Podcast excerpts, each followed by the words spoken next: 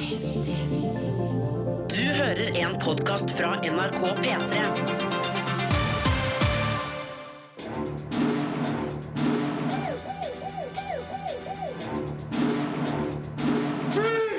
Filmpolitiet! What's your name, dude? Birger Vestmo. What kind of stupid name is that? Vin Diesel er parodisk tøff i premierefilmen Triple X Return of Sander Cage. Resident Evil 7 Biohazard er en skrekkelig spillopplevelse, og det er positivt ment. Serien This Is Us er et velspilt og vanedannende familiedrama på TV3. The Rules for Everything er sannsynligvis årets mest originale norske spillefilm. Kings Bay er dagens andre norske premiere, en fin thriller med stive replikker.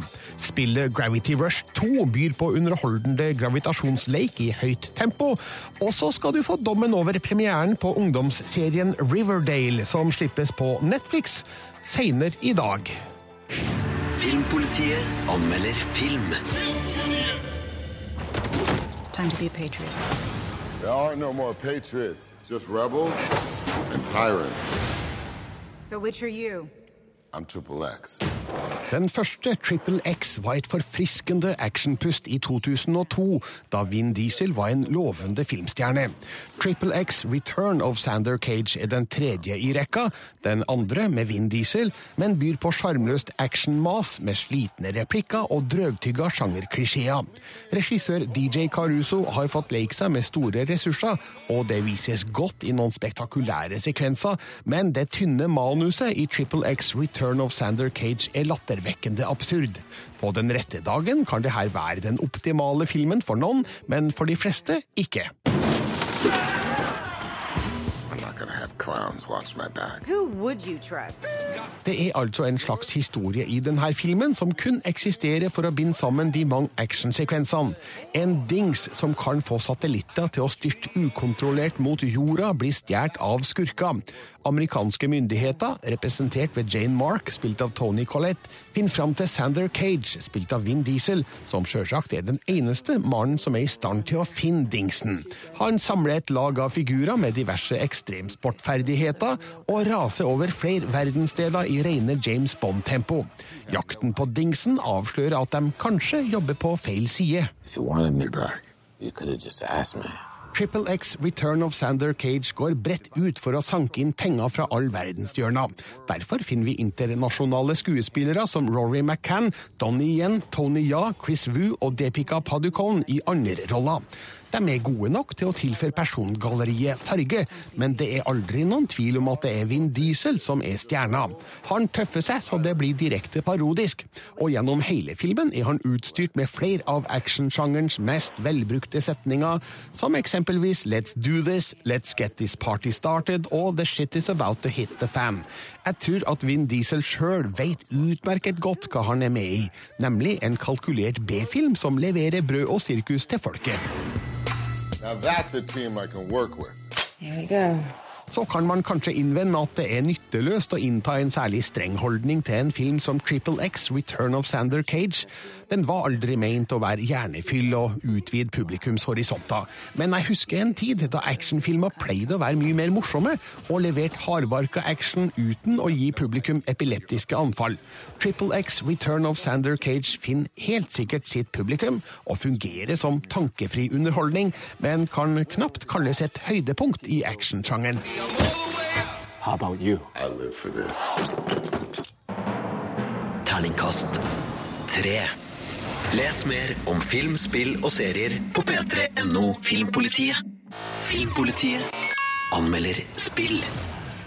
Resident Evil 7 Biohazard. Abandoned farmhouse, missing family, foul play suspected. Shitty house, spooky sounds. Ooh, is it haunted? This house is off limits! Welcome to the family, son. I'm coming, Mia.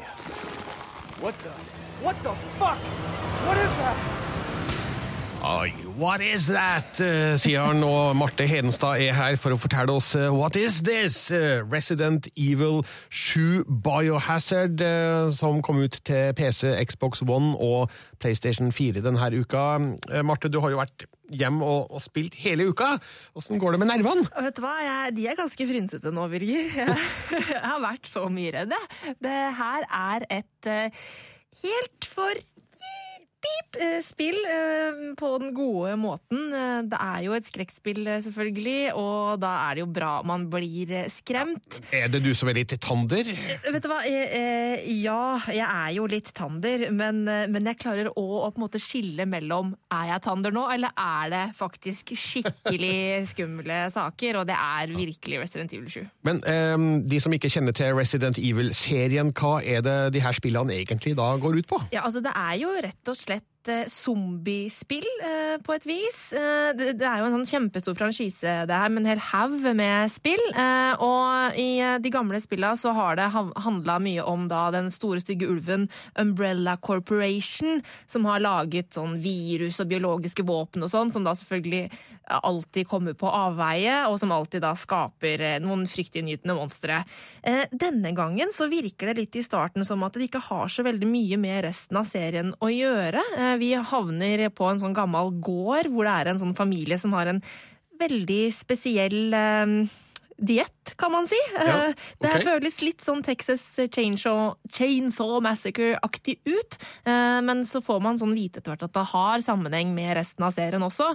Men eh, i starten så er det mye mye mm, kryping rundt i gamle hus, eh, gjemme seg for eh, kannibalmonstre og eh, ja, rett og slett sånne ting. Og det som er litt interessant nå, er at spillet har jo gått fra å være tredjepersons, som det har klassisk vært tidligere, til å bli et førstepersonsspill. Eh, Og det gjør jo at skrekken kommer litt mer sånn nærmere på kroppen, da. Eh, Jeg nevnte jo at eh, Resident Evil 7 Biohazard slipper for PC, Xbox One og PS4, men eh, spillet er jo kompatibel med PlayStation VR. Du har Mhm. altså du har testa det i virtual reality. Yes. Hvordan funka det? Det funka veldig bra. Det er helt sprøtt å spille sånne typer spill i virtual reality, fordi du kan jo se alle veier. Du kan se bak deg, du kan se opp og ned, ikke sant? Og da Altså, Du veit aldri hvor ting kan komme fra. Eh, og i eh, Resident Evil 7 så handler det mye om at du må gjemme deg eh, fra monstre. Og liksom prøve å sånn se rundt et hjørne. Eh, er det noen som gjemmer seg på andre siden der, og så kanskje det er noen som ser deg, og så må du prøve å snu deg fort og løpe av gårde. ikke sant? Det er veldig nervepirrende. Eh, det som er et litt sånn problem for meg, er at jeg blir kvalm. Så jeg klarer ikke spille med VR så veldig lenge av gangen, maks en og en halv time, og så må jeg gå over til vanlig spilling eh, og ta en liten pause med det. Men begge deler fungerer veldig bra. Marte, har det vært mye hyl og skrik i Ja leiligheten da, din nå? og så har det vært veldig sånn skjelving i hender fordi at jeg har vært så anspent. Resident Evil 7 Biohazard 4. Terningkast 5. Filmpolitiet. på P3. Da Golden Globe-utdelinga gikk av stabelen tidligere denne måneden, var det storseriene til Netflix og HBO som kjempa om den gjeve dramaserieprisen. Og der vant jo da The Crown foran sluggere som Game of Thrones og Westworld. Men det var òg en liten overraskelse å finne Brunt de nominerte. Det hyggelige familiedramaet This Is Us har blitt en seriesnakkis i USA i høst og i vinter. Og på tirsdag har serien premiere i Norge på TV3. Sigurd Vik har sett de seks første episodene. Filmpolitiet anmelder TV-serie.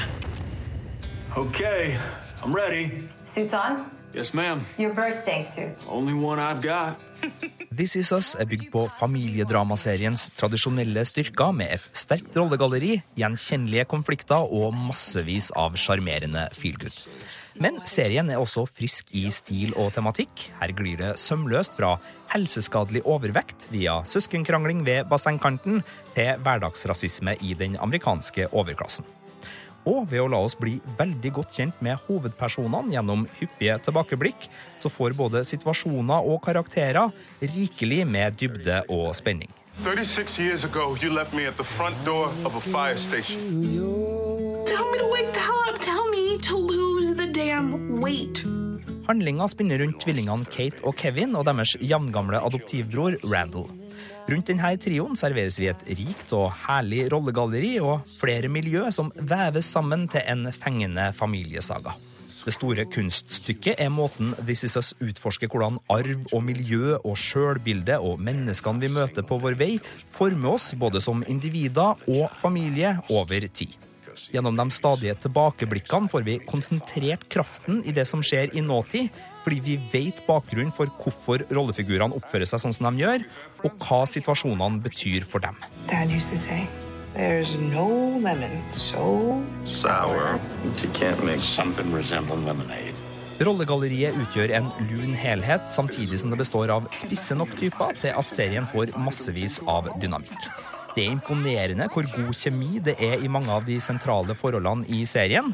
Serieskaper Dan Fogelmann har med hjelp av særdeles dyktige skuespillere klart å bygge karakterer som er så godt skrudd sammen at de fungerer glimrende over hele fjøla.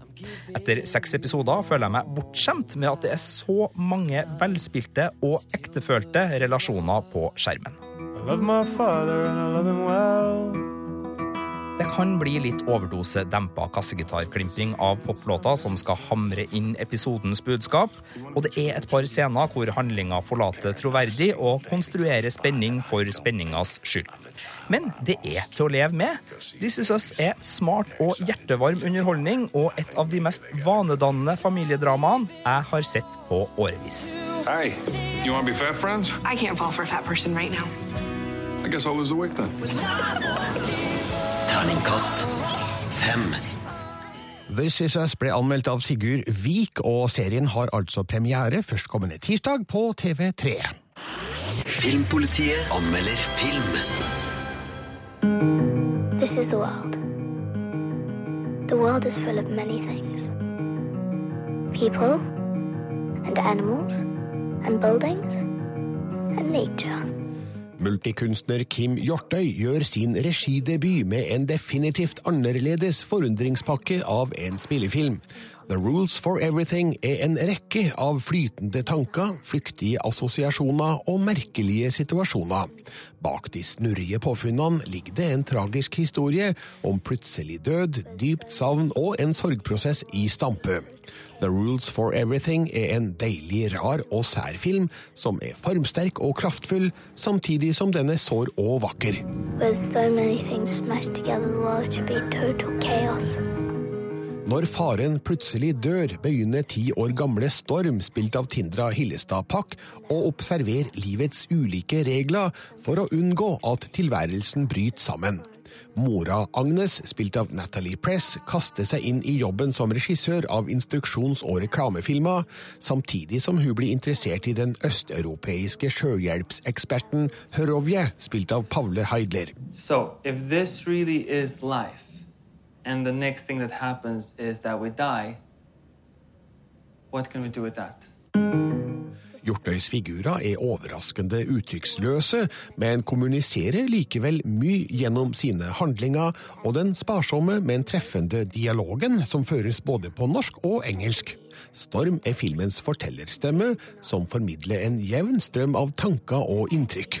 Tindra Hillestad Pakk spiller hun med en forbausende ro og stille tilstedeværelse. Britiske Natalie Press underspiller i rollen som den sørgende Agnes, sjølsagt med fullt overlegg.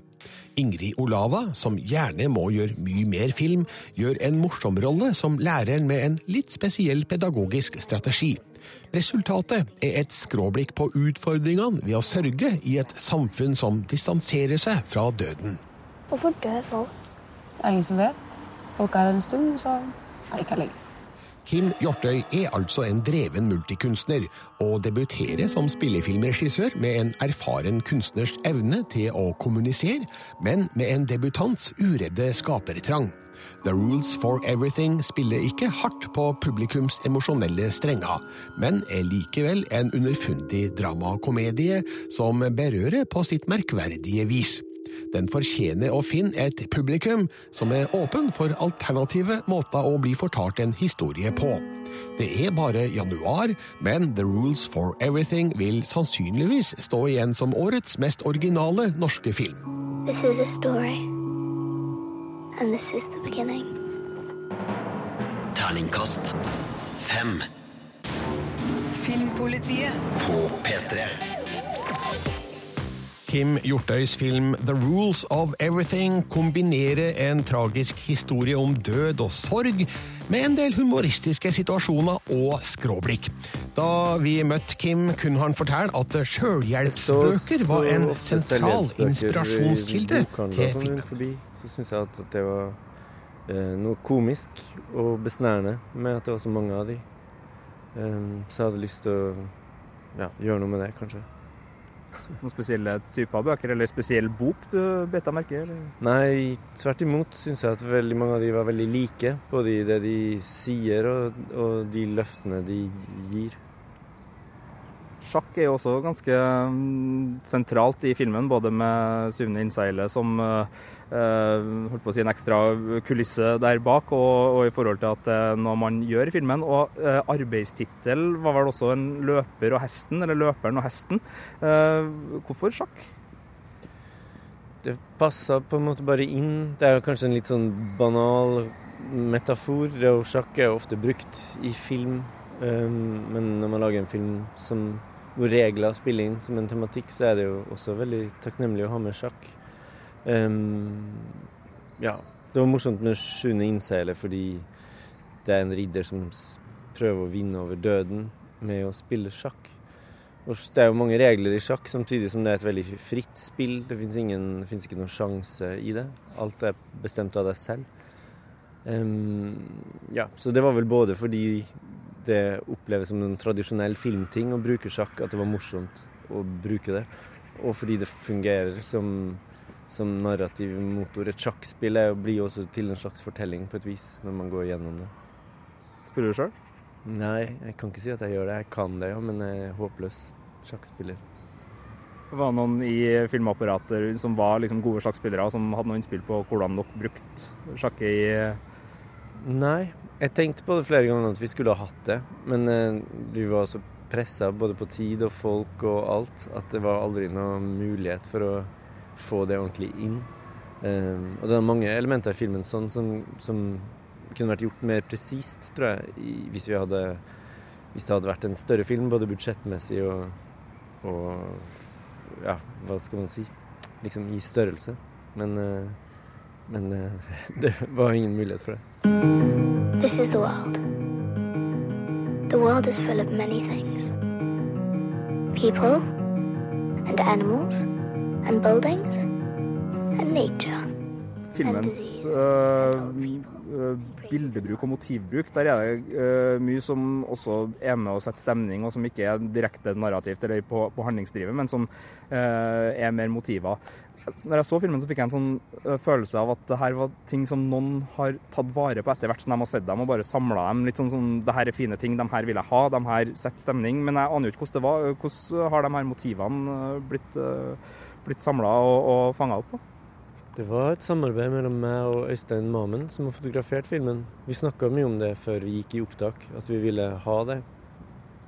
En samling med bilder. Også at det er en blanding av ting som hovedpersonen observerer, men også at uh, verden omkring, eller omgivelsene, også skulle ha en tilstedeværelse i filmen som var uavhengig av de menneskene som beveger seg i den. Uh, som ligger også i tematikken i forhold til at vi eh, har et ønske om å bestemme mange ting som vi gjør med regler, og så finnes det samtidig veldig mange ting som bare er der, som vi ikke styrer over i det hele tatt. Og de er der jo uansett om vi er der eller ikke.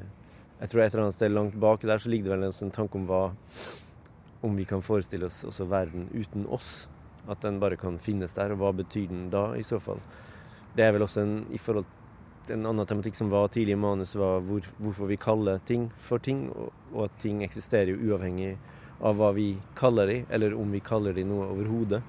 eller om vi ser på dem eller ikke. Og det, det, er, det er kanskje Jeg tror at det er litt vanskelig å forestille seg. Kanskje. Jeg vet ikke helt. Men, men at det er um, uh, ja, en stor liksom den, Kanskje den største tematikken i filmen er vel vårt ønske om å, å bestemme og vite ting i forhold til selvhjelp og forbedring, eller å lage regler eller vaner, eller hvordan man skal ha det. Og at det fins samtidig en kjempestor del av tilværelsen vår som, er, som, ikke bryr seg om det i det hele tatt, som er helt uavhengig av det. F.eks. at man skal dø. Om det spiller noen rolle hva man har gjort, eller om man har forbedra seg, eller hva hvorfor, eh, hvorfor, skal man gjøre det man gjør? Hva er egentlig, hva er egentlig vår motivasjon? Uh, ja, nå tror jeg jeg ramla litt ut av det du spurte om først. Jo, det var de motivene, ja. Så de kom vel fra det. Men så det, Vi prøvde å ta de bildene ofte på slutten av dagen. Vi hadde jo en plan om når vi var der eller der på forskjellige innspillingssteder, at vi også da kunne ta de og de bildene. Dere har jo valgt en litt spesiell kameramåte å jobbe på med filmen her, med et ganske stillestående kamera. Hvorfor det?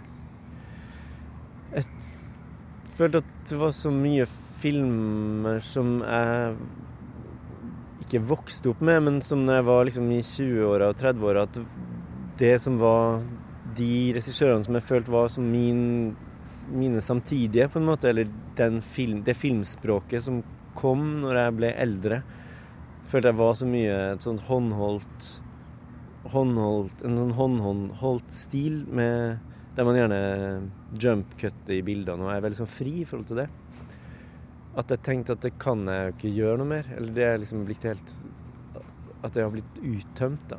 Det språket. Og Ja. Så det var vel en, bare et stort ønske om å få være i noe annet. Jobbe på en annen måte.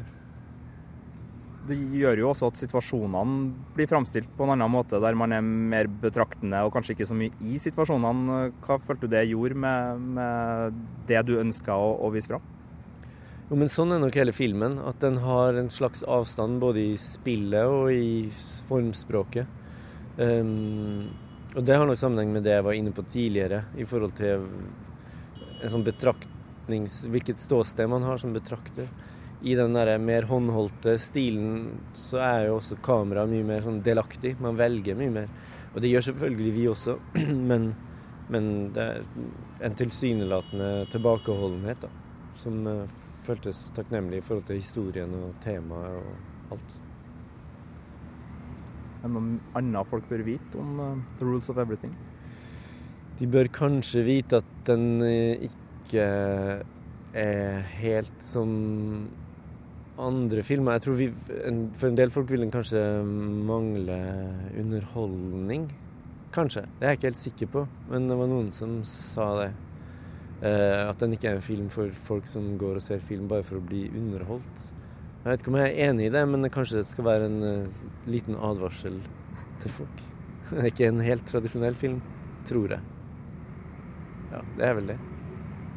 So, if this really is life, and the next thing that happens is that we die, what can we do with that? Den har jo eh, en komedie i seg, og så har den et alvor i seg. Og eh, jeg klarte ikke å velge det ene eller det andre, men tror du det er mulig å på en måte, altså i sånn publikumrolle da, å, å se en fullt alvorlig uten det humoristiske, eller å se en som en komedie nesten uten alvoret? Ja, det tror jeg. Jeg tror det kommer an på hvordan du tolker karakterene, hvordan du tolker spillet. Eh, men, men jeg tror at det er mulig å tolke nesten hva som helst på begge de to forskjellige måtene. Det er kanskje et valg mer enn eh, bare en, noe som skjer. Men eh, ja, det er vanskelig å si. Det er et godt spørsmål hvor stor selvbestemmelsesrett man har over hvordan man ser ting. Det er vel også noe at man, man føler at humoren er såpass øh, ikke vanskelig å få tak i, men den ligger der såpass øh, sånn at du må liksom huke tak i den. Og da føler man sånn Ja, jeg skjønte det, men sikker på at de andre her, de skjønte det kanskje ikke. Sånn man, man får en sånn Uh, god følelse av at man har fanga opp noe som ikke var veldig dytta opp i ansiktet ditt som, som publikummer. og Det gjør vel kanskje at man, man, fortsetter å lete etter de sporene og, og blir veldig sånn For jeg merker jeg ble litt på leiting etter, etter den der betraktningshumoren. da, kanskje. Mm. Og, men det var veldig, det samme får jeg med Roy Andersen sine filmer. Det er ikke sikkert de egentlig er ment å være så morsomme, men jeg blir sittende så leit etter det. Uh, men det er jo bare en ting som publikum gjør. Mm. Ja, men det kjenner jeg igjen. Det var veldig spesielt å vise den i Tromsø for publikum der, for folk lo mye mer enn det jeg hadde trodd. Og det er jo også noe som skjer selvfølgelig når man er i en stor gruppe. Der var det jo helt fulle kinosaler. Og det er det jo ikke alltid at det vil være. Eh, og det tror jeg det, det kan være veldig forskjellig å se en film i en kinosal med en gruppe folk og se den igjen i en annen sal, eller se den alene på en datamaskin. Eller filmer kan bli veldig forskjellige, avhengig av hvor man ser dem og hvordan man har det sjøl. Ikke for å ta bort noe ansvar fra filmen for å være morsom eller bra, um, men, um, men særlig i forhold til latter, da, som er en sånn veldig tydelig ehm, ting, så tror jeg det har mye å si hva, hva andre, hvordan du opplever at andre folk rundt deg tar imot det du ser. Det kan være veldig irriterende at folk ler òg, men i denne filmen her tror jeg at det kan være bra uten at jeg skal dømme det. Det er greit hvis ingen syns den er morsom. da. Det sa Kim Hjortøy til reporter Sigurd Vik. The Rules for Everything. Den har premiere i dag. Jeg ga den terningkast fem, og kaller det sannsynligvis årets mest originale norske film. Hele anmeldelsen finner du på p3.no filmpolitiet. Filmpolitiet anmelder film. Jeg har kommet over noen gamle lydbånd her. Jeg lurte på om du har muligheten til å spille. Spør ham om det er en trussel. Politiske thrillere er ikke hverdagskost i norsk film. Derfor er regissør og manusforfatter Stig Svendsens Kings Bay et velkomment tilskudd. Den spinner en interessant historie som tar utgangspunkt i virkelige hendelser på Svalbard. Kings Bay er riktignok fiksjon, men det som fortelles virker heller ikke direkte usannsynlig. Og når det uventa, men spennende valget av Kari Bremnes i hovedrollen klaffer ganske bra, fremstår Kings Bay som en fin thriller. Den skulle nok hatt en litt løsere dialog, sterkere figurskildringer og brattere spenningskurve, men forteller samtidig en interessant historie mot et storpolitisk bakteppe som virker troverdig. Men Har du noen slags formening om hva de snakker om? Ut ifra de bruddstykkene som er tydelige, så snakker de åpenbart om Kings Bay-området på Svalbard. Et mørkt og vinterlig Tromsø er en god arena for spenninga. Bakteppet er imidlertid Kings Bay-ulykken på Svalbard i 1962, som krevde 21 gruvearbeideres liv og felt Gerhardsen-regjeringa. Harriet Hansen, spilt av Kari Bremnes, er Nordlys-journalisten som kommer over noen gamle lydbånd, som antyder at gruveeksplosjonen ikke var en ulykke, men et resultat av en bevisst handling. Når Harriet og kollega Oskar Stokstad, spilt av André Sørum, begynner å grave i saken, forstår de at visse krefter ikke vil ha sannheten frem i lyset. Hva som foregår? Visste du at telefonen din er avlytta? Plottet som konstrueres, og den storpolitiske konflikten som tegner seg, er godt og forståelig fortalt. Det er kanskje mindre troverdig at det brukes såpass kraftige ressurser på å dysse saken ned over 50 år etter, men man godtar det for underholdningens skyld.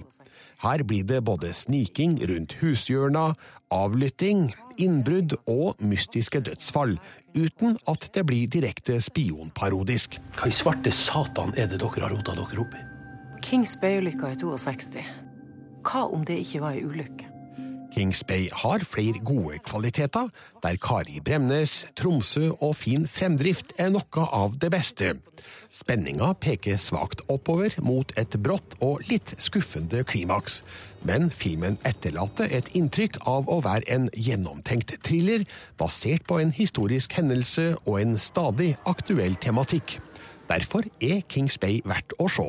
Altså, Hvis vi gir oss nå, så betyr det at deres metoder virker. Og da er det over. Terningkast fire. P3. Vi skal se litt på det som rører seg på nyhetsfronten innen eh, filmverdenen, og da har vi Sigurd og Marte her. Halloi! Halloi! Eh, Vi starter med Star Wars, som vi elsker overalt i denne verden. Kanskje med unntak av Game of Thrones, Marte, så er vel Star Wars vår favoritt. Ja, det er eh, It's up there på en sånn slags delt førsteplass, tror jeg. Ja, for vi, eh, Det er noen dager gammelt det her, men vi må jo snakke om det, fordi tittelen på den neste Star Wars-filmen er nå klar. Ja. For de som ikke vet det, hva er det? Hvem skal få lov, å- hvem skal få lov å si det, liksom? Ok, Da blir det Sigurd. Ah, yes! The Last Jedi. Ganske safe, eller? Ja, men Ja. også litt sånn uh, jeg, føler, altså, jeg er jo så glad for at vi har fått i gang Star Wars igjen. På alle sylindere fyrer jo den her øh, skuta nå. Men det er litt sånn vemodig uh, tittel. Ja, The Last Jedi. Hva betyr det? Altså Ja, det er jo det alle lurer på. ja, Henspeiler det på Luke Skywalker eller på Ray, som jo Ja. har et eller annet i seg? Eller på begge, sånn som jeg har tvitra litt om dette her. Altså, Jedi i flertall er vel bare Jedi? Ja. Ehm, De siste Jedi-ene. Ikke sant? På norsk. Eh, Ja. Så det, kan, altså det er jo en diskusjon som har eh, virkelig rast på internett. Men eh, i altså, eh, altså åpningscrawlen på The Force Awakens så står følgende altså, eh, La meg bare lese starten på opening crawl. Luke Skywalker has vanished. In his absence, the sinister First Order has risen from the ashes of the Empire and will not rest until Skywalker, the last Jedi, has been destroyed. Det begynte altså The Force Awakens med, sånn at jeg tipper nok at det er Luke Skywalker de tenker på her. Men for han er jo den siste Jedien eh, per dags dato, men ingenting. Det betyr jo ikke at han ikke kan lære opp Ray sånn at eh, vi får en til. Nei, altså, Krafta forsvinner jo ikke uh, etter den filmen her. Og så lenge det finnes kraft, så finnes det jo muligheter for å search your feelings og finne en Jedi til, uh, eller? Kan være. Kan være. Eh, Regissør Rian Johnson har jo en Instagram-konto der han har posta et bilde fra klipperommet. Mm. For filmen er jo da ferdig innspilt, og nå er det etterarbeid som skal pågå det neste knappe året. Og der er det da bilde av starten på den tekstcrawlen, heter. Hva heter Ja, det på norsk? Opening crawl, hva heter det på norsk? Teksten som kryper oppover. Åpningsrulleteksten. Ja. Det står det jo episode åtte, The Last Jedi. Og bare det liksom får jo Star Wars-fandommen til å eksplodere. Ja, og så er det en liten detalj fra det kontoret han har. Det står en liten sånn R2D2-robot ved siden av den store skjermen han driver og jobber på. Og den har jeg lyst på. Kan vi gå til innkjøp? Vi har jo felleskontor. Eh, Hva, hva sier dere? Skal vi spleise på Ja, mission, det. eh, Men jeg har en R2D2 blyantkvesser. Ja. Ganske liten, da. Men Ta med den på jobb, da. Skal gjøre det. Og vi skal til Norge og Berlin, Sigurd. Ja, fordi den norske filmskaperen Ole Giæver er blant de som skal få lov til å være med i Panorama-programmet når Berlinfestivalen, eller filmfestivalen i Berlin ruller ut nå i neste måned med filmen Fra balkongen. Ja, og han har vært på den festivalen før også. Det er svært. Altså, folk som kanskje ikke kjenner til festivallivet sånn sett innen film, så er Berlin noe av det største. I Mm. Europa i hvert fall, så er det vel bare Cannes som er større. Så det å bli invitert til en filmfestival eh, der, er, ja, det er en fjær i hatten. Men han er jo nesten blitt stamgjest, det er han, da. Han har jo vært der tre ganger før, var det ikke, ikke sånn? Det er tredje gangen Ja. nå. Ja. Både Fjellet og Ja. Mot naturen, som han har eh, regissert tidligere, har Mm. vært i Berlin i det samme programmet, og nå er det altså Fra balkongen som er der. Men han er jo ikke den eneste nordmannen som skal dit med filmen sin. Eh, Nei, Erik Poppe skal også dit for å vise frem Kongens nei, som jo da nettopp ikke nådde helt opp i Oscar-nominasjonskappløpet, men det å dagen etter faktisk bli invitert til Berlin, det er vel kjekt, tenker jeg. Og så er det et par barnefilmer, Oscars Amerika og mm, eh, Nå glemte jeg hva den andre het. Eh, Odd er et egg skal også til Berlin, så bra norske innslag i, i, på Berlinalen i år. Og Birger skal også til Berlin? Birger skal til Berlin og eh, jobbe og slite for Ja. føda. Det er grusomt å være på Og filmfestival. se masse film. Eh, Men apropos eh, norske filmskapere, det er en fyr til som nå er i aksjon. Ja, altså nå er det jo endelig da blitt klart at godeste mm, innspillingen av Tomb Raider har begynt. Roar Uthaug eh, la ut et bilde på Instagram av eh, klapp greia. Ja. Eh, og at det bare sånn Finally it's starting, hva var det han skrev? And we're off, skrev han. Ja. Eh, og det som er litt sånn kult, er at eh, det har ikke, vi har ikke visst så veldig mye om hvor innspillingen er, og vi vet egentlig ikke så veldig mye om hvem som skal være med heller. Men tidligere denne uka her så la han også ut et annet bilde på Instagram, eh, hvor han tok bilde av den navneskiltet sitt på traileren sin, eh, og, så står det, og så står det at det bildet er tatt i Cape Town i Sør-Afrika.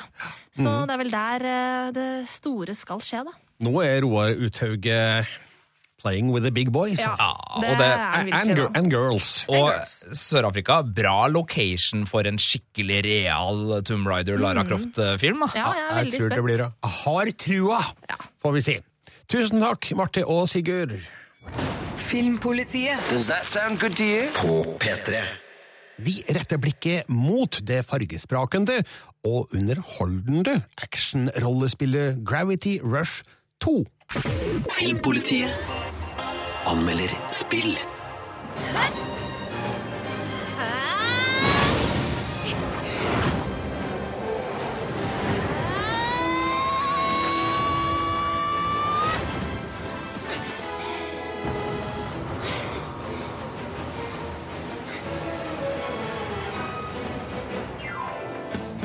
Oi, dæven, her var det mye lyd, eh, Marte Hedenstad. Ja. Eh, Du som har testa Gravity Rush 2, som nå er ut på PlayStation 4.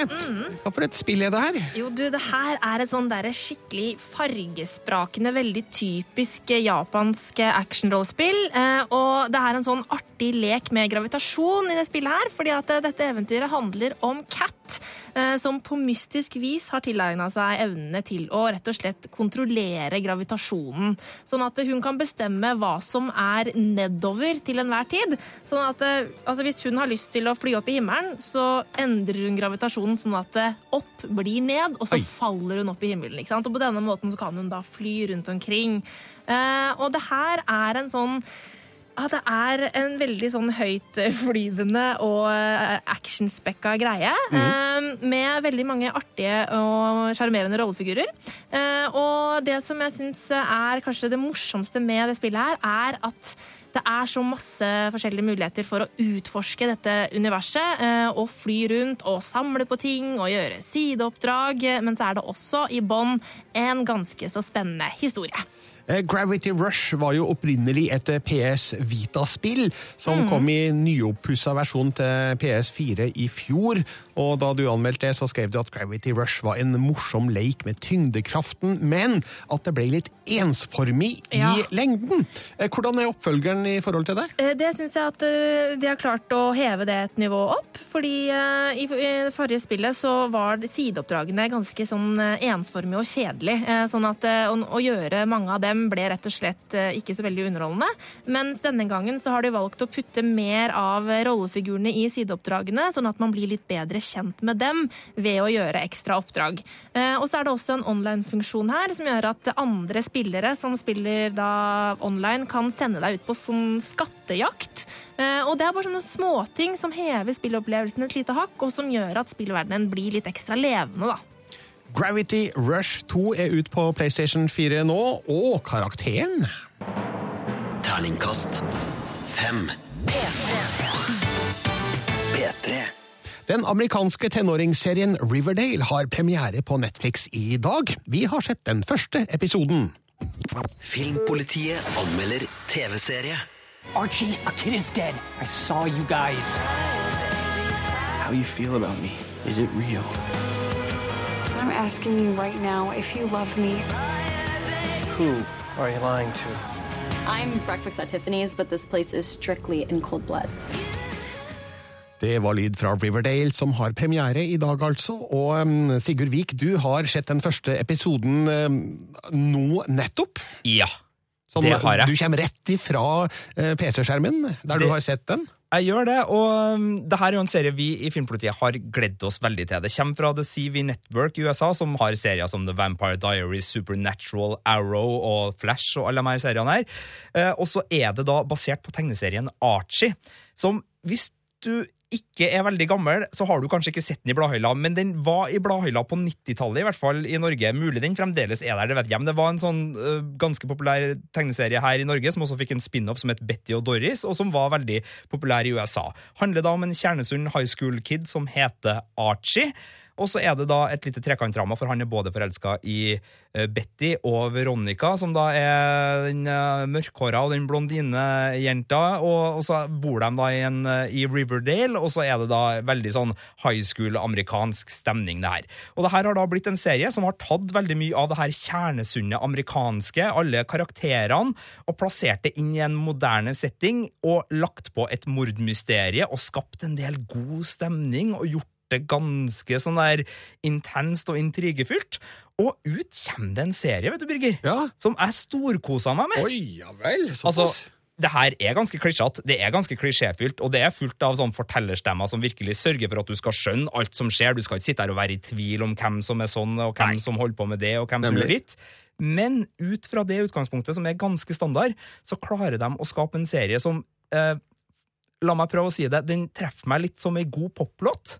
Hvis du skjønner? Altså, Ja. Det er noe uh, umiddelbart, noe litt sånn magekriblende artig med det. Mm. Og jeg vet ikke om det her kommer til å vedvare. Den har massevis av fallgruver rundt seg, men det er veldig lovende, det de første 45 minutterne byr på. Du kaller jo da Riverdale en tenåringsserie, men altså, du er jo ikke tenåring lenger, Sigurd. Nei, det er jo sant, det. Nei, du, det her er klassisk high school-spenning. Så hvis du har digga high school-filmer, så vet du sånn cirka hva du får. Det her er litt Mean Girls. Det her er litt Ja, det er ikke så mye American Pie, for det er ikke så komediebasert, men det er litt i det leiet der. Og derfor så er jeg jo litt spent, for det her merker jeg jo er en serie som treffer meg veldig godt, som var veldig glad i uh, high school-filmene som kom på starten av 2000-tallet. Uh, det vet ikke jeg helt hvordan det her kommer til å slå an nå, for det er en serie som ligger veldig i det leiet. Men den har jo oppdatert seg på musikk, og den er oppdatert i på en måte referanseramma. Her er Mad Men en sånn gammel referanse som de bruker. Du ser ut som Betty i første sesongen av eh, Mad Men, eller du ser ut som Betty Draper i femte sesongen av Mad Men. Altså, det er den type referanseramma, så den er jo i 2017 veldig. Men det føles som en serie som jeg hadde blitt hekta på hvis den hadde kommet i 2002 også. Nå kan du sjekke ut det sjøl. Riverdale er på Netflix i sin første episode, og da kommer det en episode per uke fremover. Det gjør det. Terningkast fem.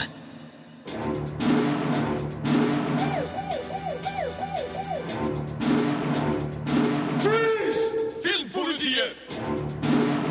What's your name, dude? Birger Vestmo. What kind of stupid name is that? Du finner flere podkaster på p3.no podkast.